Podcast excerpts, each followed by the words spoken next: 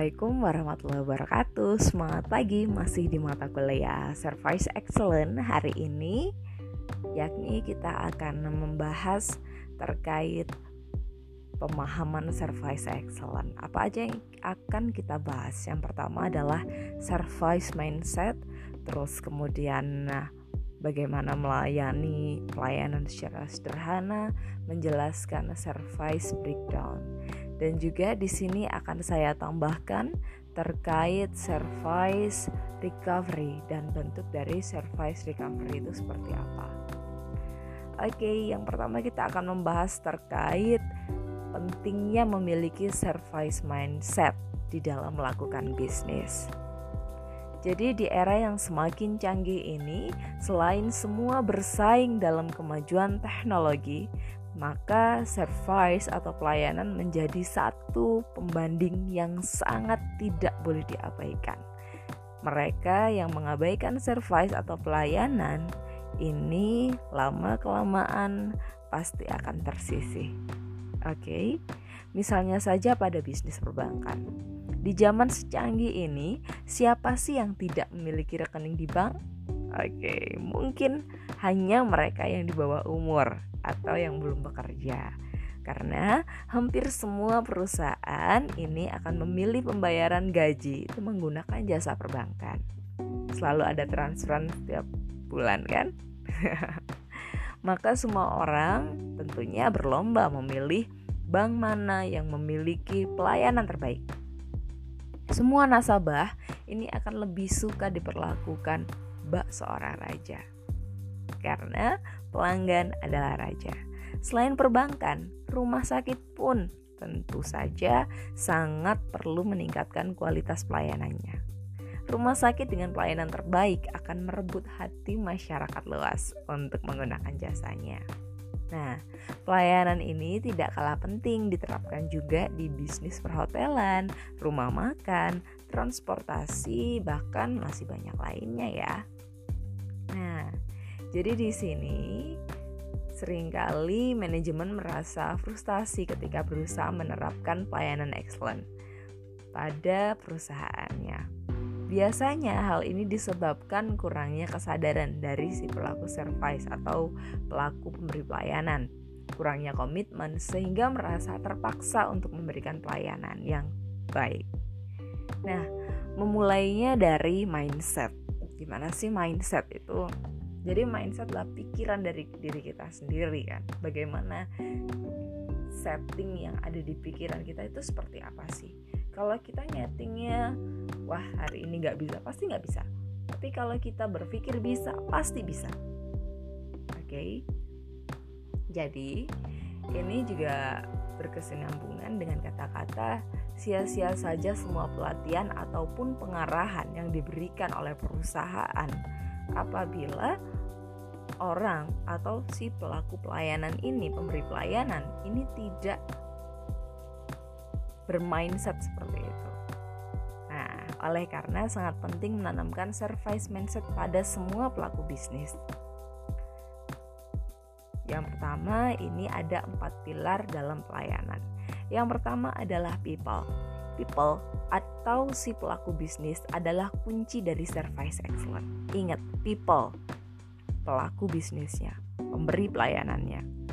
Tanpa adanya orang-orang yang kompeten, dalam menyajikan service excellent, maka hal tersebut itu pun tidak dapat tercapai dengan sempurna. Seorang dokter berkenaan dengan sumpah jabatan yang dimilikinya, maka ia dengan rela akan berupaya sekuat tenaga untuk menolong pasien yang ditanganinya. Misalkan saja pada saat pandemi seperti ini. Oke. Okay. Berkaitan dengan people, itu ada tiga hal yang harus dimiliki.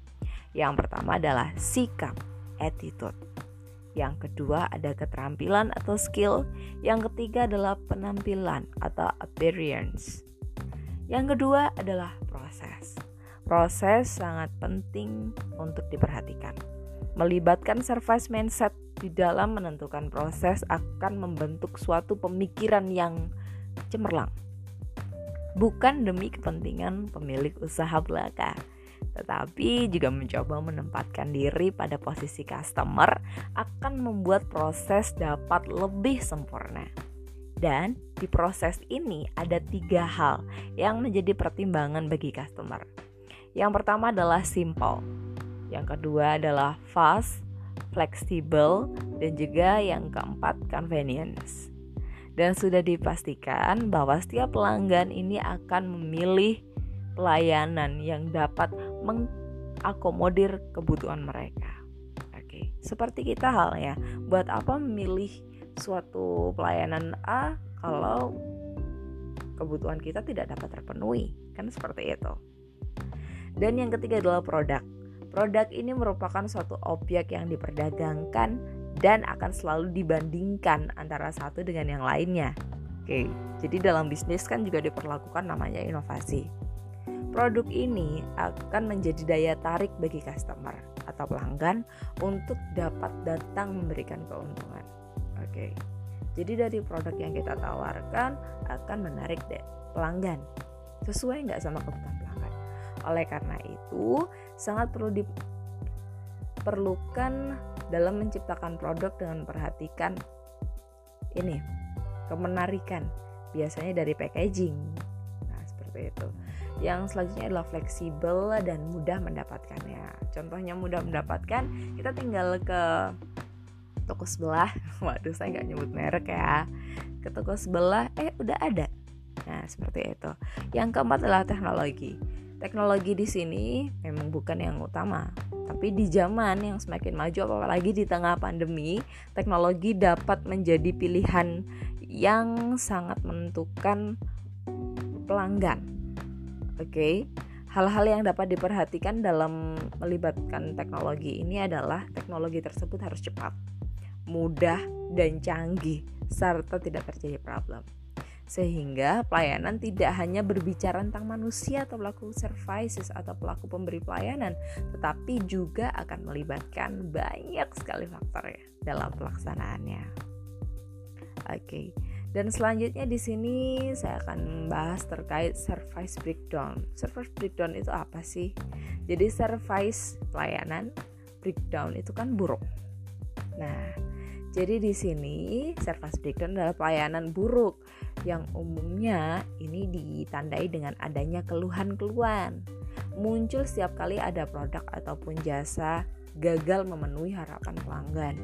Nah, pelanggan ini tidak menerima produk ataupun jasa sesuai dengan apa yang diharapkan atau dibutuhkan. Tidak sesuai dalam artian di bawah standar. Apakah itu dari segi kualitas barang atau jasa, waktu, tempat, harga, atau bahkan yang berkaitan dengan layanan petugas seperti keramahan, senyum, sapa, salam. Nah, seperti itu. Keluhan yang disampaikan pelanggan ini seharusnya tidak untuk dihindari. Jangan sampai kalau ada keluhan misalkan ini nih perbankan dan sebagainya. Kalau ada keluhan jangan wah dihapus aja. Enggak, tapi itu sebagai introspeksi untuk perusahaan kita. Mengapa? Karena keluhan adalah masukan yang berharga bagi perkembangan bisnis perusahaan. Apabila ditangani dengan tepat, tentunya akan dapat meningkatkan loyalitas pelanggan dan perusahaan kita akan semakin baik tentunya. Keluhan juga merupakan peluang untuk mengidentifikasi masalah yang terjadi dalam perusahaan. Keluhan pelanggan ini merupakan gambaran pelayanan kita kepada pelanggan. Dengan menyampaikan keluhannya, customer memberi kita kesempatan memperbaiki apa yang bermasalah dalam pelayanan kita. Ini jauh lebih baik daripada mereka hanya diam, membiarkan perusahaan kita menyimpan penyakit yang akhirnya menggerogoti perusahaan kita. Oke, terus kemudian pindah. Nah, apalagi itu nih, jika diam dan pergi dan tak mau lagi, waduh menggunakan produk ataupun jasa kita. Oke, lalu diperparah dengan menyebarkan penilaian negatif tentang brand kita. Ingat, di era teknologi 4.0 saat ini satu customer kecewa itu dapat menyebarkan kisah buruknya atau pengalaman buruknya gak hanya di orang terdekat tapi di seluruh dunia. Dan ratusan lainnya. Oke. Okay. Ratusan ribu dan wah banyak banget lah. nah, di sini kita ini ya bisa menganggap bahwa pelanggan itu adalah seperti kekasih bagi perusahaan. Maksudnya gimana sih? Nah, jadi seperti seseorang atau kalau kita misalkan saya dan mahasiswa seperti itu. Ketika ada kebingungan, ketika ada yang kurang sesuai dan lain sebagainya, baiknya gimana? Disampaikan dengan baik. Oke, okay.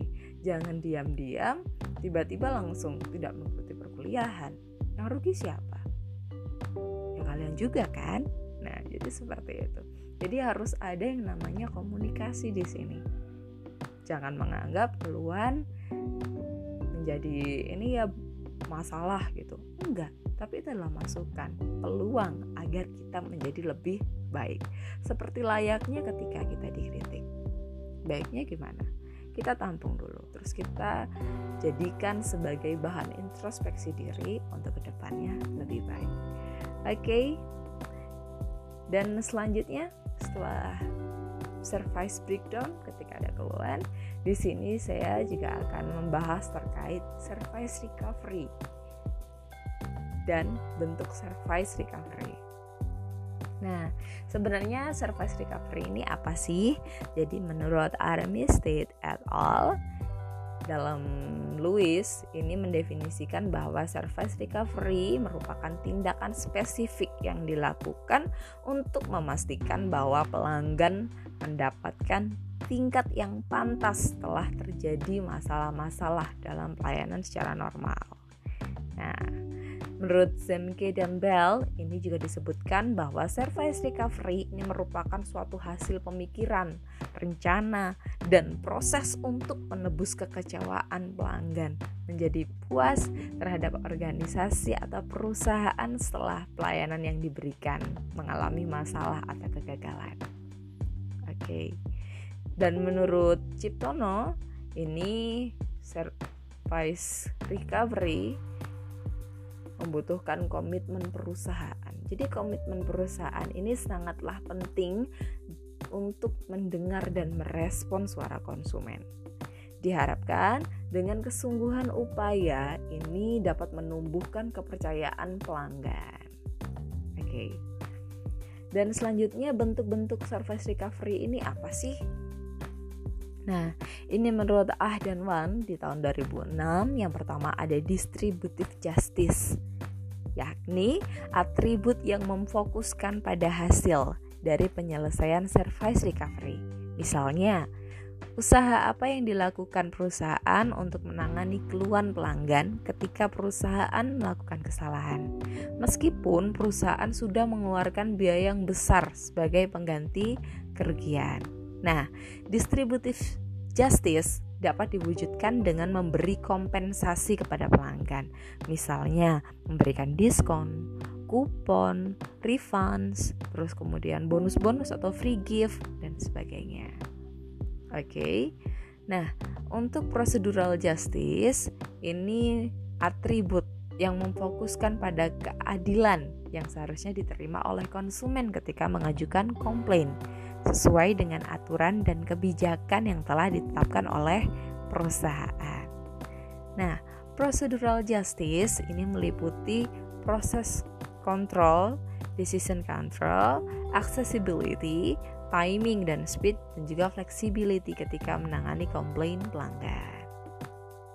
Selanjutnya adalah interactional justice ini adalah atribut yang memfokuskan pada kelakuan atau respon yang dibutuhkan oleh perusahaan ketika berhadapan dengan konsumen yang mengajukan komplain. Oke, okay? jadi interactional justice ini meliputi explanation, honestly, politeness, effort, dan juga empathy. Jadi di sini ada penjelasan, kejujuran, terus adanya aturan, dan juga menggunakan empati ya. Nah, jadi dari sini menurut Bloch et al. mengatakan bahwa interactional justice memiliki pengaruh yang paling kuat terhadap kepuasan konsumen dan word of mouth yang akan mereka lakukan.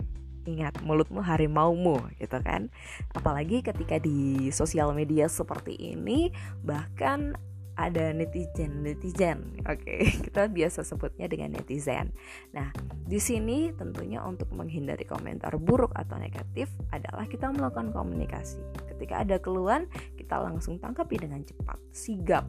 Terus kemudian memberikan ini pengganti yang sesuai dengan kebutuhan mereka. Oke, okay, demikian tadi sedikit penjelasan terkait materi di pertemuan ketiga hari ini. Dan silakan untuk seluruh mahasiswa dapat mengajukan pertanyaan yakni tiga pertanyaan kepada kelompok. Dipilih tiga pertanyaan saja dan silakan kelompok untuk menjawab. Terima kasih dan wassalamualaikum warahmatullahi wabarakatuh